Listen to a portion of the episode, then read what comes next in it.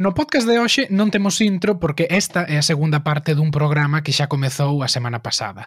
É o resultado dunha longa conversa que mantivemos co lingüista e escritor Carlos Durán, que tamén é un membro histórico da comunidade galega no Reino Unido e máis concretamente en Londres. Na primeira parte da entrevista contounos como foi a súa chegada a Londres nos anos 60, os primeiros contactos co exilio republicano e tamén coa incipiente comunidade galega. De todo aquilo naceu o Grupo de Traballo Galego de Londres, que foi unha das primeiras asociacións galeguistas da diáspora no Reino Unido e que lle serviu para que Carlos comezase a entrar en contacto con persoas vinculadas coa defensa da lingua e do galeguismo político, como o profesor Rodríguez Lapa, Bencho Xei ou Agostinho da Silva. Pero un dos galegos que máis marcarían a Carlos foi o escritor e filólogo Ernesto Guerra da Cal, con quen creou unha estreita relación durante os anos que este viviu en Londres. Guerra da Cal sería unha desas persoas que máis influirían nas súas conviccións reintegracionistas. Pero o papel de Carlos en Londres non se limitaría só ao activismo cultural, senón que tamén exerceu como punto de contacto na capital británica para algunhas das organizacións políticas do nacionalismo galego. En fin, digamos, eh, eu nunca pertencín a, ningún partido. En parte por lo que le decía eh, Castelao, desde aquí, sempre a esquerda, claro, realmente, eh, apoyar o que, o que sexa mm, que nos una. Entón, o meu criterio foi sempre mm, se se fala galego, e mira que son rendigacionista, pero en fin, ainda que sexa do, do que sexa, e se se fai algo por transmitir, porque unha das temas que tiño agora, e por desgracia creo que vai sendo realidade, E estamos perdendo a lingua pois a marchas forzadas, non só polo, pola xunta, eh, eh, hai unha combinación de factores, non? Eh, e así entrei en contacto, pois había eh, primeiro unha, unha plataforma de non sei que eh, e tal, e logo o bloco, non? O bloque, eh, o bloque nacionalista, eu apoiei sempre que puiden aquí o bloco, non? Había xuntanzas e había eh, eleve moi, moi ben sempre con, con todos elos, inclusive a Ana Miranda que está agora en, en, en Bruselas, pero chegando a, a, a sin querer ser, digamos, membro, porque sabía no que iban dar. A parte de todo, unha perda de tempo que eu non podía permitirme. Eu tiña que levar adiante unha familia e tal. Pero sí, moitas xuntanzas e moitas tal. Había un rapaz, este como chamaba, Natalobos, que foi, digamos, o meu contacto principal aquí. Logo había un Carlos, digo era porque era, era tocaio meu en, en, en Xinebra, eh, que tamén estaban moi en contacto, e reciben moita información deles, eh, un terratempo deles, creo que a distribuíu eu aquí, como se chama, Carlos eh, Arias ou así, que morreu xa. Entón, digamos que, mm, sí, eh, apoio logístico ao bloco eh, é bastante importante en Londres, nas eleccións e tal, pero non nunca pertenceu ao partido e creo que fixen ben. E sigo, sigo máis ou menos nesa órbita eh, non son, pero en fin, eh, despois xa houve cuestións de tipo político, de tipo eh, lingüístico, eh, o bloco propio está, o propio bloco está, como todos na, na política esquerda, está un pouco a velas vir na, na cuestión eh, da, da grafía que comeza sendo como unha especie de capricho, como dicían ao propio Carballo. Ah, eso é un capricho de Carballo. Sí, podía ser un capricho ao principio, pero ao final resultou ser importante.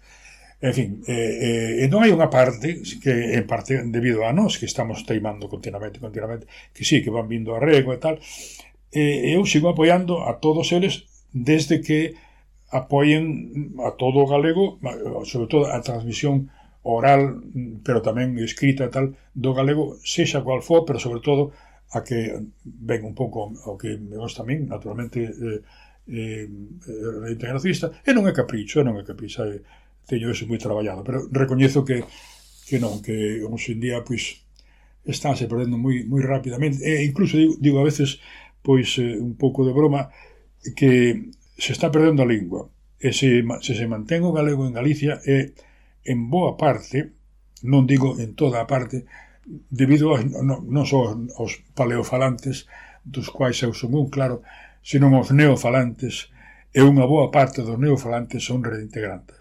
en, en vexo en, en Facebook e por ali que notas que hai moita máis actividade, moito máis interese eh, eh, pola lingua de, do, do día a día. E logo, claro, tamén hai, sí, digamos, os que eh, hai unha especie de batallas estúpidas eh, e internecinas entre uns e outros que non debían haber.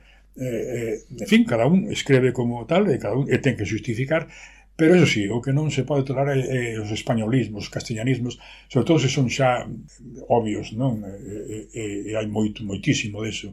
Entón, por, por que iso leva a unha especie de sida do, como dicía Fontana precisamente, non? Claro, o, o, o, o isolacionismo é, é o, a, a sida do, do, gale, do, do, do galeguismo, porque, en certo modo, é como unha, unha autocontaminación non? do virus, Agora falase do coronavirus, claro, daquela era, era a sida, non? E unha vez que se empeza a ir por esa pendente, a non ser que, que firmemente insistas, pois acabas en, en, en, no que chamamos a veces tamén injustamente o castrapo, non todo o castrapo, pero sí, eh, eh, eh, mira, en Vigo, eu, eh, como decía, dúas veces ao ano, vamos a, a Vigo, a zona das travesas, non? Pois de cada vez é que che cae a, a, a alma o, o solo, para decir, decir é un, é un vas a calquera mm, unha panadería, unha, unha loxa calquer, eh, non digo xa un banco tal, todo é español, e se algún miña mente, pois nunha frutería ou así, si, escoitas falar un galego, e logo na rúa, se vas ao aero de Colla ou así, ou Sárdoma, que sei eu, eh, escoitas falar un galego, e se insistes, re, pero realmente é un galego xa moi deturpado, é moi, realmente xa é castrapo. E xa digo, a miña propia, digamos, aldea da miña formación, ou en parte, lingüística, Vincios, pois o que se escoita falar ali, a non ser que se serán bellotes, eh, xente xa de, non sei, de, eh, os, os teenagers, eh, casi todos falan castellano, non? E ademais, casi eh, eh madrileño, non? querendo ser madrileños, o cal é unha, unha pena, pero, en fin, é o que, é o que escoito eu.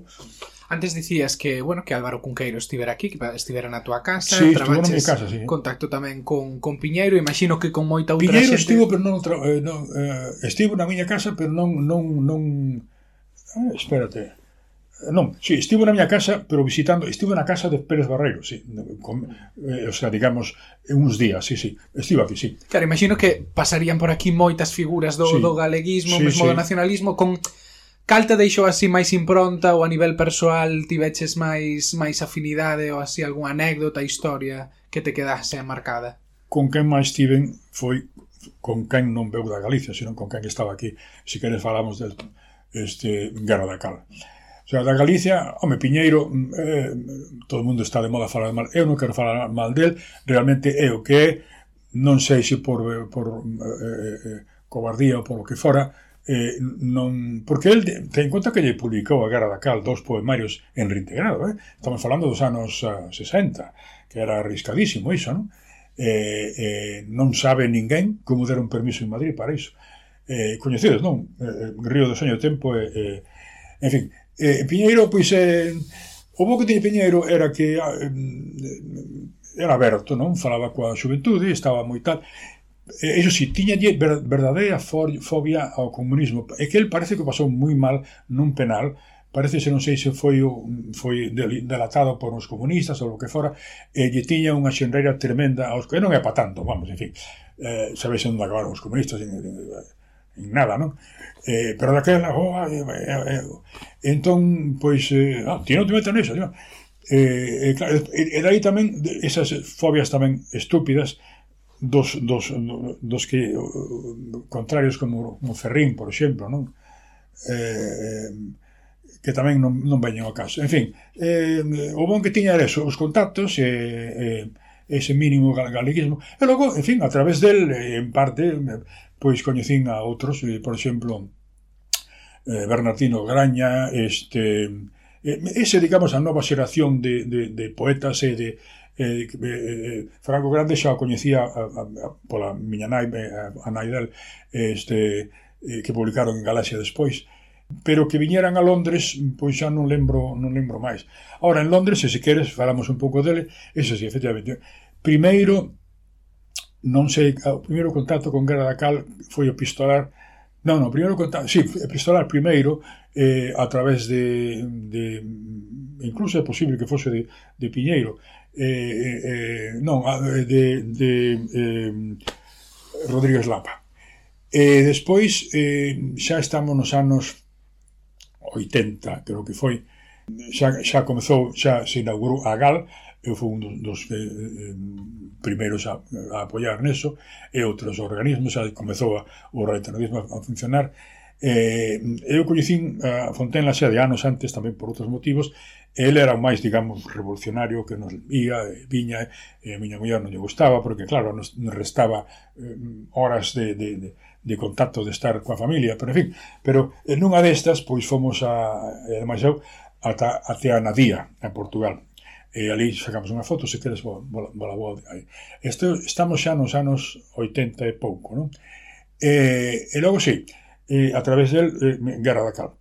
Despois, en, en Lisboa, tamén xa 80 un pouco máis, coñecemos na Academia de Ciencias de Lisboa a Guerra da Cal en persoa. Este, e coñecemos a, o que morou agora por uh, eh, Malaca Casteleiro, que nos apoiou sempre moitísimo, Cuña, eh, uh, Elín de Sintra, que estaba ali, eh, nos presentou e tal, este, que, por certo, despois eh, eh, fala, así nunha parte, porque falamos eh, con Guerra da Cal e tal, eh, digamos, con fonética galega, entre eles eh, o despois a falar, dicen, estes, estes falan galego culto, decía. Eh, como que dicindo, mm, eh, esforzanse moito en, en pronunciar ben e tal.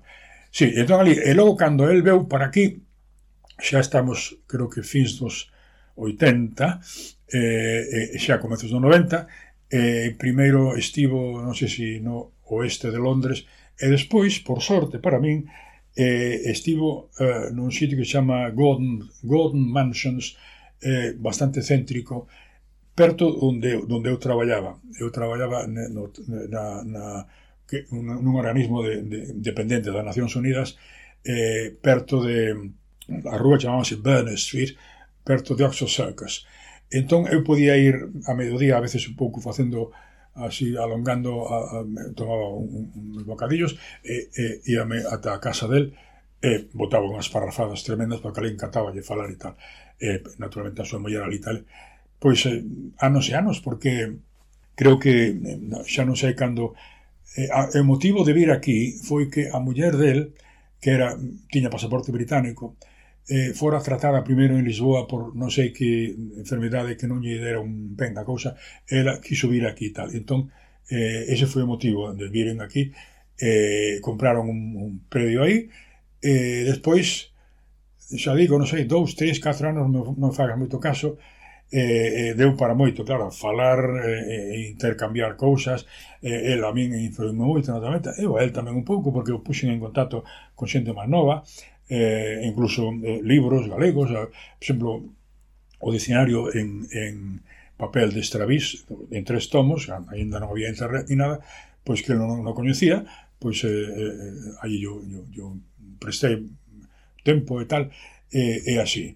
Eh, creo que a través del tamén viñeron aquí a velo eh, a Margarida Ledo Andrón, Andión, por exemplo, fez unha entrevista, naturalmente o Guerra o Fontenla eh, e algúns outros. En fin, e logo eles decidiron pola súa conta marchar a Nova York porque ele era cidadán estadounidense.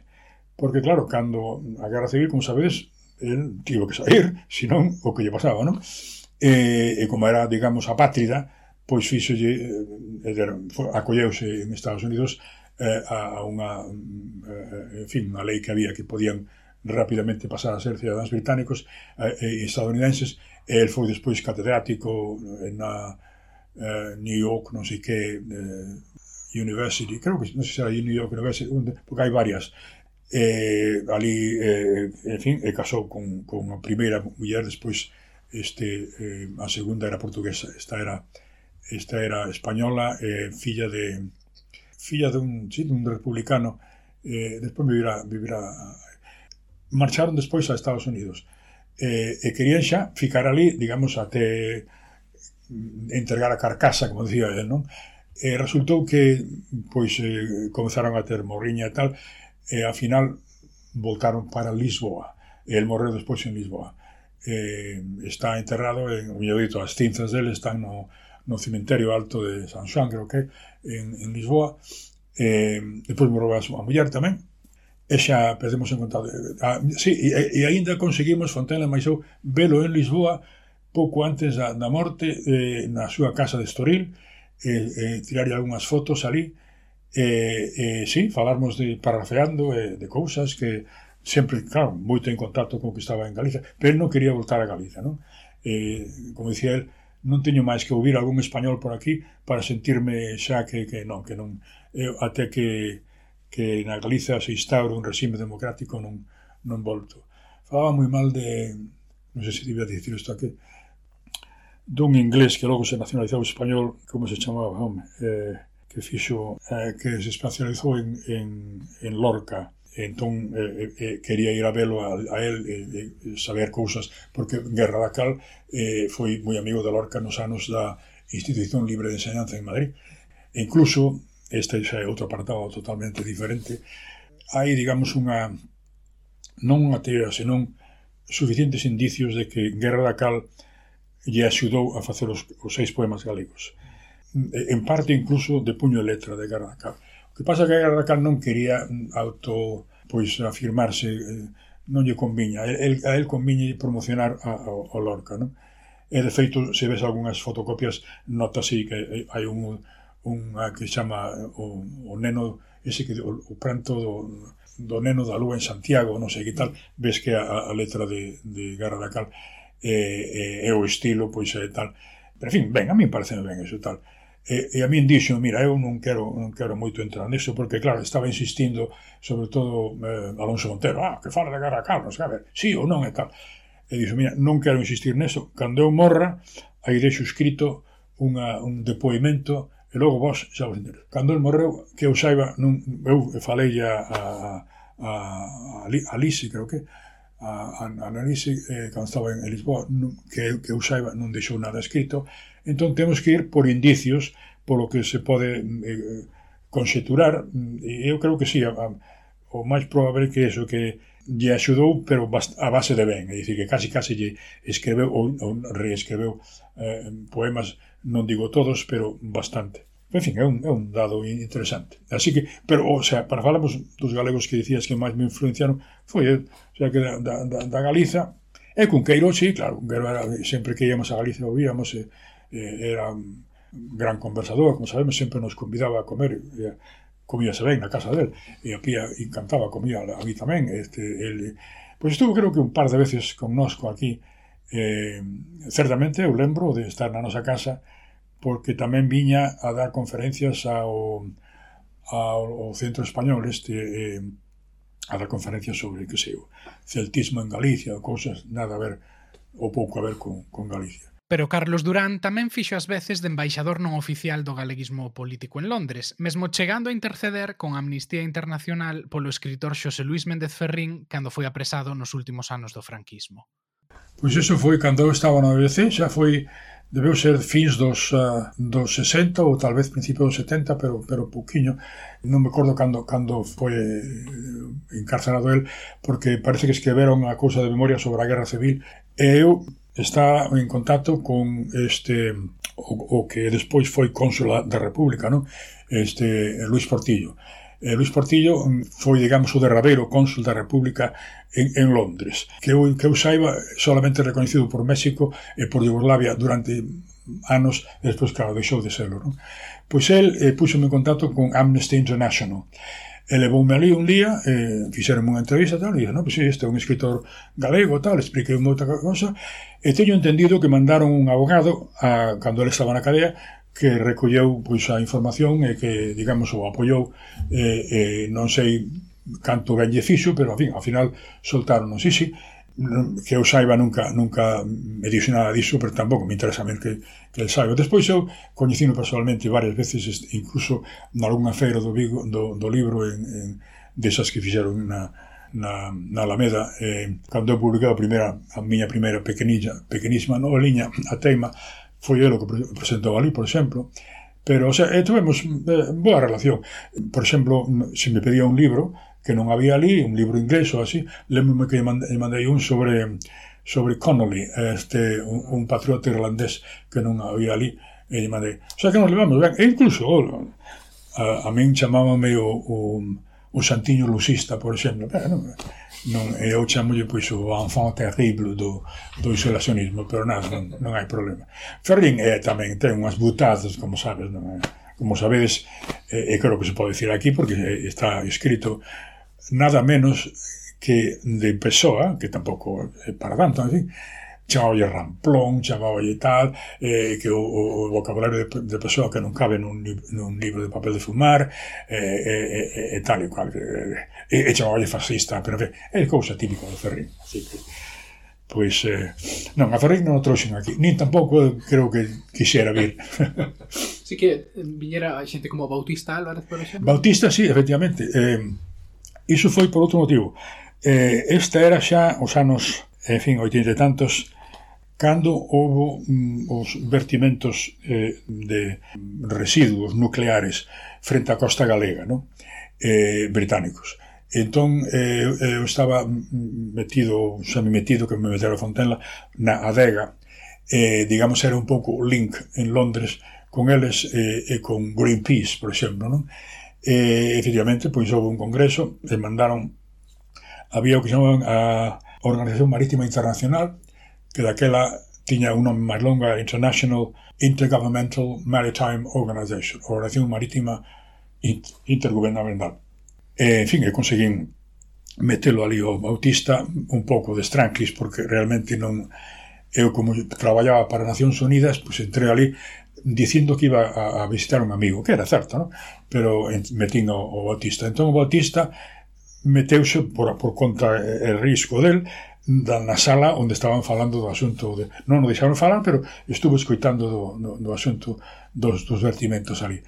E despois eh, eh, lembro que a Dega puxera unha pancarta fora de, da, da sede da, da, porque está no sul de Londres, non? E eu dixiñe, pero por Deus, faced as cousas ben, ou, ou, ou, ou facedas en, en reintegrado ou facedas en, en isolada.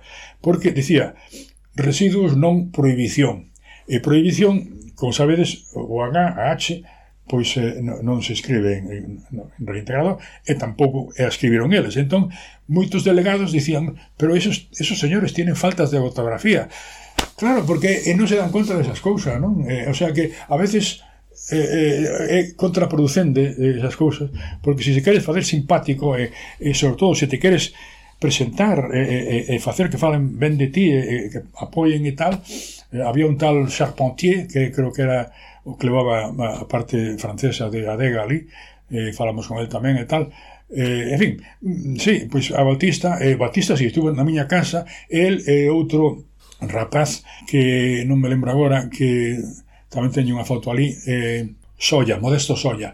Modesto Soya e máis el estiveron na miña casa uns cuantos días porque viñan a esos congresos e tal, e, e levernos tamén ao Centro Galego, Eh, claro, nada a ver coa lingüística, sino, simplemente apoiar E, por certo, agora que lembro, quen, digamos, eh, me pediu, realmente me pediu, pois eh, para estar aquí eh, Bautista, o propio eh, Francisco Rodríguez.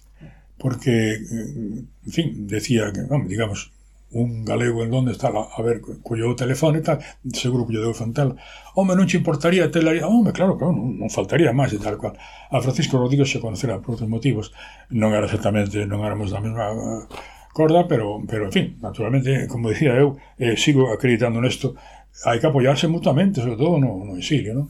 Así que sí, foi el que me pediu e tal. E ben, estupendamente. Despois, eh, seguramente coincidimos de alguna maneira eh, algún asuntanza en, en, en pois ou en Vigo ou en Redondela, creo que hubo unha un congreso medio as escapadas cando era eh, aínda semi eh, pois eh, prohibido no da, da, da UPG porque despois se meteuse no, no, no BNG como sabedes que ainda, ainda era só o UPG pois eh, En fin, sí, non é, ben, é ben, pois ele e outros. E, e o Modesto Solla, xa non me lembro ben que foi del, pois tamén meteuse moito na, na cuestión mm, da luita de, contra os vertidos, e, eh, E iso que a súa nai non era galega, era castellana. O pai era, era galego.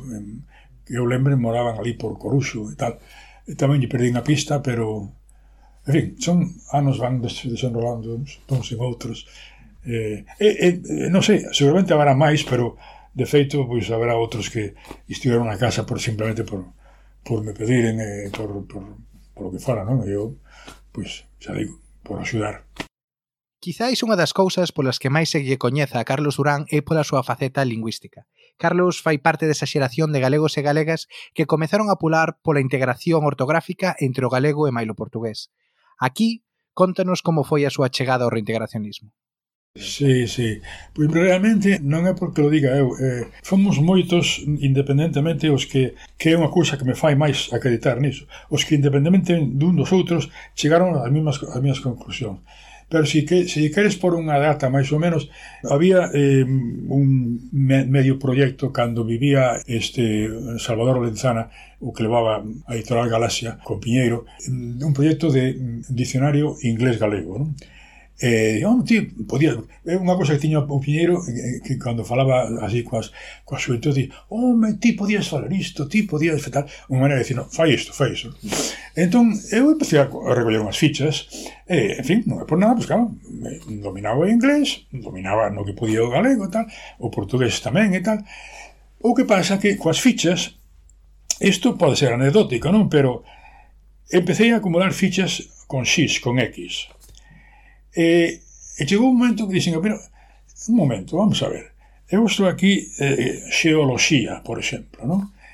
E vou ao portugués e eh, geoloxía e tal.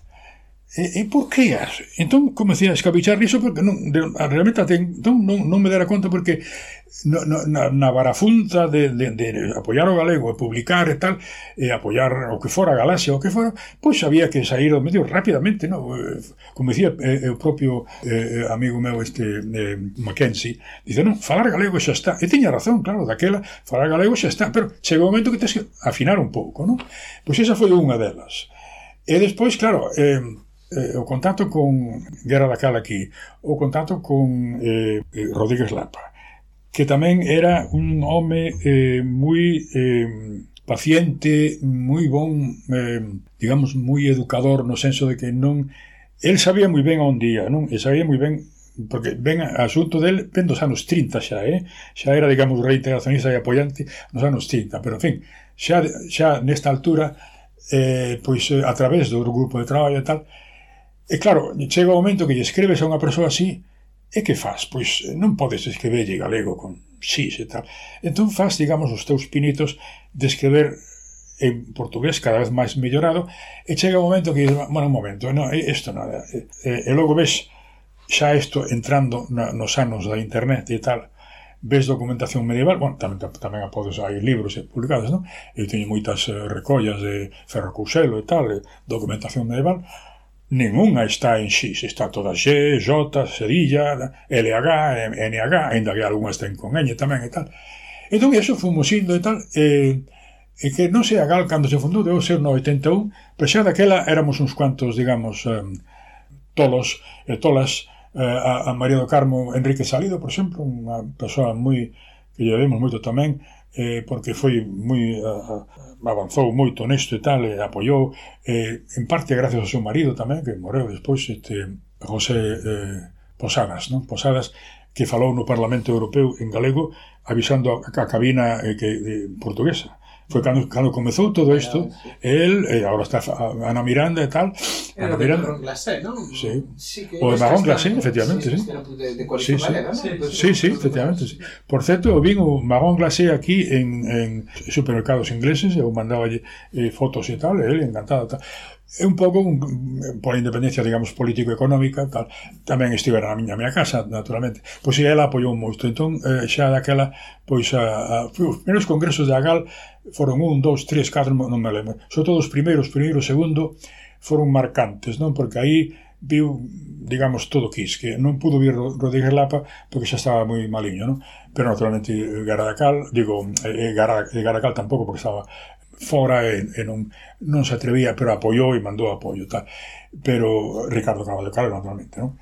Eh, Ricardo Carvalho Caro que se deixaba querer, eh, hoxendía pasa por eh, eh, pasa como con Verdacal e, e Lorca é mellor deixalo estar así pasa un pouco polo pai do reintegracionismo non é verdade, pero en fin digamos que é mellor deixar iso así porque creo que fomos todos un pouco eh, el ele independentemente, incluso os demais outros mm, que influimos del tamén para dar outros pasos.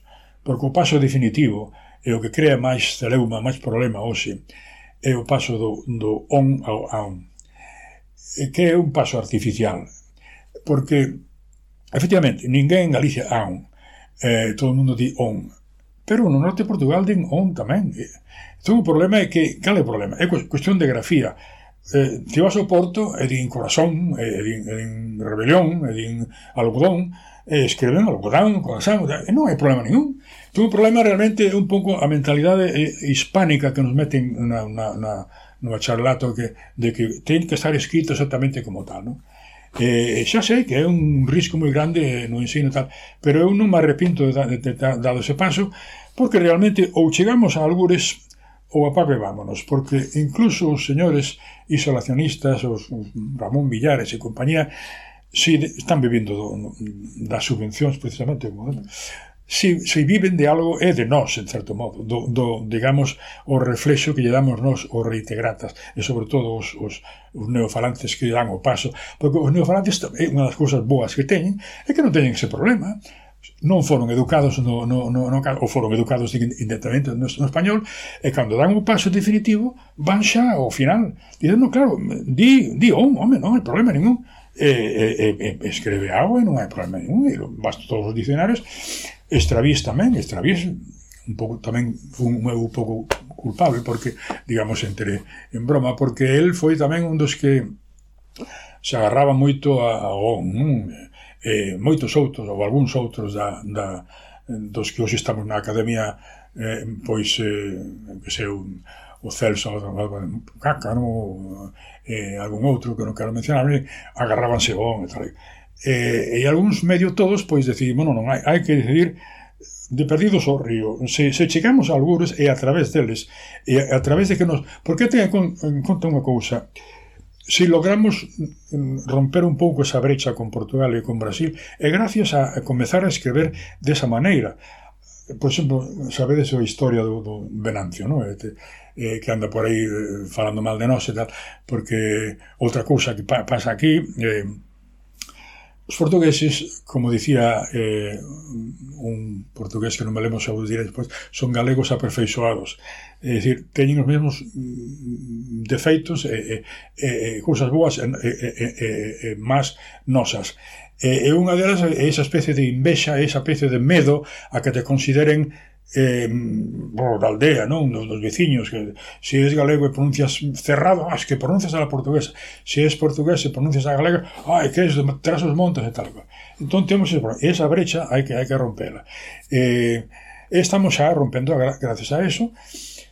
Está se habendo aí, aí sí, que xente que nos apoia, máis en Brasil que en Portugal, pero en Portugal tamén hai o propio Malaga Castelero, acaba de morar agora, apoiounos mm, abertamente no, Eh, Ten conta que o acordo ortográfico, eh, ali estivemos nós, digamos, nós eh, colectivamente, non? Fontenla e a muller, eh, foron, hai, houve dúas, dúas, dous congresos, un en Brasil eh, eh, nos anos 80, eh, creo que foi 85 e outro en Lisboa no, no, no 90 e eh, neste segundo xa foron Fontenla e Antonio Xil Hernández e aí no, no acordo ortográfico no, no propio texto do ortógrafo, no ortográfica, hai dúas palabras supergalegas, brétema e lóstrego, grafadas con circunflexo, que son galegas, e ali están, que fomos moi criticados por eso, tanto por portugueses como por galegos, porque non, que fan esas palabras galegas aí no medio da, da, da e viceversa, non? Pero aí están. E, entón, sí, comezou a haber un mínimo reconhecimento. O que pasa é que eles teñen outros problemas tamén, claro. Eh, como me decía isto propio Venancio unha vez, se non os portugueses non estamos no, nos custa moito recoñecer os brasileirismos porque habíamos de recoñecer os, os galeguismos eh? ten razón, claro o sea que hai que traballar moito nelo pero en fin, o noso. Eu creo que apoiar calquera cousa que sexa apoiar a lingua, sobre todo a transmisión oral, e logo, pois, eh, en fin, eu personalmente eh, na escrita esa, pero na, na fala, despois a, eh, claro, pois on, tal cual. E, por certo, outra cousa que nos tildan de, tamén de exagerados, o asunto das sonoras G, J e, e Z. Pois aínda sobreviven, no, eh, se queres mando vos despois os contactos, aínda, a Deus gracias, sobreviven na Galicia xente que, que galego falante, galegófona, que pronuncia así, non? Hai un sitio que se chama Guxinde, perto da Raia, na, na, na, na onde está o coito, coito misto eso, non? E hai unha cousa curiosísima, por exemplo, estes señores, e ali os, os coito falando, Guxinde, eh, Junta, e tal e cual, e, e, o Z tamén din as ovellas, e tal e cual, o B, sin, ben, perdín, Z.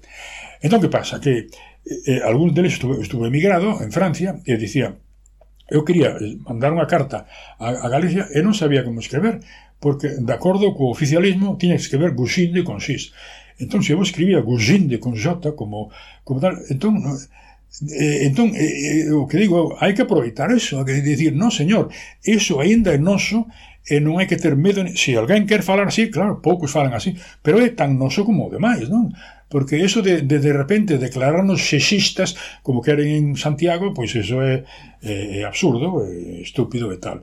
Pero, en fin, o sea que eh, non, non estamos en, en sitio inseguro, eh? estamos en sitio, claro, difícil, pero hai que traballar moito e tal. En fin, estou falando demasiado. Retomando un tema que non ten que ver co lingüístico, sí. pero que mencionamos ao comenzo da conversa, quedoume curiosidade cando falabas eh, dos teus primeiros anos aquí, dicías que no ano 68, ao redor do 68, houbera manifestacións moi importantes sí. aquí en Londres. Sí, sí. Sobre que era, que, que, como respiraba o ambiente político no Reino Unido daquela época? época? mira, eh, eh, seguramente en, en Galicia o viste falar do 68, ano 68, manifestacións. Bueno, foron un pouco copia das que había aquí por os motivos que foron, que fosen, porque realmente foi universal, eh? foi aquí en Londres, en París, en, en Checoslovaquia e tal, manifestacións, eu creo que foi unha especie de, de eh, primavera, falasa da primavera de Praga, Praga tamén tal. Aquí, sí, foi unha especie de primavera. Entón, quizá por o motivo da guerra de Vietnam, ¿no? o, a, digamos, motivo, excusa tal, todo quis que, digamos, ia a guerra de Vietnam. Todos, eh, eh, que pasa que, home, o mínimo tiñas que apoiar un pouco de, de, de, de eh, eh, eh, pois unha postura crítica dos Estados Unidos, non? E había moitos americanos tamén, por certo, eh? eh, e a política inglesa pois era apoiar, a pesar de que estaba no, no, no laborismo no poder, eh, non querían, non, porque estaban na OTAN e tal. Entón, si, eh, polo, polo motivo das guerras de, de, das guerras de Vietnam, pois había moi, moitas manifestacións. Entón ali, pois claro, coincidíamos moitos, eh, digamos, eh, eh, esquerdistas galego. Había manifestacións tamén diante da embaixada eh, española tamén. Contra incluso, a dictadura de Dulfo. Eh, eh, sí, por, non me acordo por motivo de que unha vez incluso fixemos unha bandeira nós, o Grupo de Traballo Galego, levamos, e deixámola ali, pois era non me acordo se era por motivo de, de algo, pero era por, por esa época tamén, sí? E dixámonos ali... Eh... E despois, eh, nos anos 70, houve tamén movilizacións contra a dictadura portuguesa, por exemplo, sí, cando veu Marcelo sí, Caetano. Sí, sí, ¿no? cando 74, sí, moito, moito. Eh, eh, tuvemos tamén moito contacto con eles, pois eh, había unha, unha cousa portuguesa que se chamaba Liga Portuguesa do Ensino, algo así, que tiñan unha especie de centro portugués afín ao centro galego. Eu lembro ter ido a, a, a posicións de películas, ali, por exemplo, o, Carzado Potenkin e tal. Eh, isto xa antes, non? Pois sí, que por certo daquela estábamos xa, había moitos amigos mutuos e tal, ah, tiñamos unha cosa que se chama o Centro Ibérico, onde estábamos os portugueses, os, os, os galegos, cataláns, vascos, eh, e había, había xente de todas as tendencias ali eh, eh, éramos conscientes de que había unha, unha ditadura en, en Portugal e había un mínimo apoio mutuo e nos contaban, por exemplo, que a PIDE tiña eh, os nomes e enderezos de moitos deles aquí e sábese que había unha especie de, de, de roubos eh, eh, eh, encubertos que non eran tais roubos, eran simplemente para ver as cousas que había anti tal. Este, sí, efectivamente, xa non lembro en que algún, seguramente teremos ido a unha uh, eh, manifestación da, da embaixada, o 74 foi foi un, un ano importante, pero os anos a seguir, e despois, claro, xa veu o español a morte de Franco e compañía, pois xa se uniu todo, e, e despois xa non digamos coa transición, que foi un, unha, unha traición, pero en Como viviches ti personalmente o día da morte de Franco e o que foi todo ese período? Pois sí, foi, foi eh, eh digamos, a base de telefonazo un de outro e tal, ah, fora o Franco, ah, hai que facer algo, Eh, bueno, e, e claro, que máis que menos, pois, eh, eh, abriu botella de champán e tal. Pero, en fin, iso foi anedótico, non? Bueno, eh, supón que xa, digamos que estábamos á espera de que se destapase iso, non? de que duraría pouquiño, e como despois con Arias Navarro e tal, e, e que do punto de vista galego, pois que houvese máis, apertura de, de, no idioma e tal, pero realmente os dos primeiros anos, pois, pois pouco, aparte de... Sí, claro, aquí, por aquí pasou todo, que es que aquí estuvo uh, meetings de Carrillo, por exemplo, Camacho, eh, claro, claro, o típico meeting, ¿no? porque que, que non sempre, eh, eh, eh, facerse ver, como que non sempre estivemos na, na, na oposición á ditadura, en fin, houve os máis e menos, o Carrillo, por exemplo, podía contar cousas del... Pero, en fin, sí, había esas xuntanzas de, de, de so, no tal centro ibérico que vos decía que era, que era de todo, non? En fin, pero eso sería, pois pues, xa, fins 78, 79 e tal. Eh, e xa despois pasamos a, a transacción que foi unha, realmente foi unha tradición, non sei quen nos traicionou da nosa parte, porque había, como sabemos, o, o Consello de Galicia. E eu, eu tiña, teña cartas de, de, de algúns herdeiros, digamos, do Consello de Galicia que vivían en París, un tal de Lima, que estaba casado con unha portuguesa, me parece, e aínda tiñamos unha mini, no, o grupo de traballo, no? contacto con eles, eh, porque, digamos, o, o mínimo que quedaba da, da oficialidade, non? Da, da, da, a, a Xunta, digamos, o, o dereito que tiña a Xunta a representar o povo galego, era o Consello de Galiza, non? A través de Castelao e de Pidio Villaverde e todos aquelos, non? Fora disso non había máis, non, non había habido algunhas eh, eh, eleccións. Así que, sí, pero despois non sei, ao mellor mm, se, se houvese contacto, porque cos vascos e cos cataláns eu tiño entendido que si houve contacto, non? Cos cataláns certamente, Tarradellas non se abriu a, a voltar até que houvese unhas mínimos de catalán. Cos vascos non sei se Irujo, que nos apoiaba moito tamén, si houve. Pero cos galegos Non sei, non sei uh, con quen falarían, desde logo, se falaran con Piñeiro, apague e vámonos, porque era, eh, eh, con que eu saiba, con Guerra da Cal, tampouco falaron, e, eh, en fin, ele tampouco representaba nada políticamente.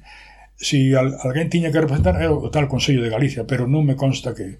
Así que mm, de, de Galicia, quen houvese, ou ben pasaron por, por Galicia, ou ben asinaron sin, sin exigir nada, como facemos sempre o galego, non? por desgracia. Así que eh, estamos nesas. Non? E na parte lingüística estamos pagando tamén, pero non solamente lingüísticamente, aquí vemos agora na selección, somos un feudo do PP, non? Eh, daquela era a P, pero bueno. En fin.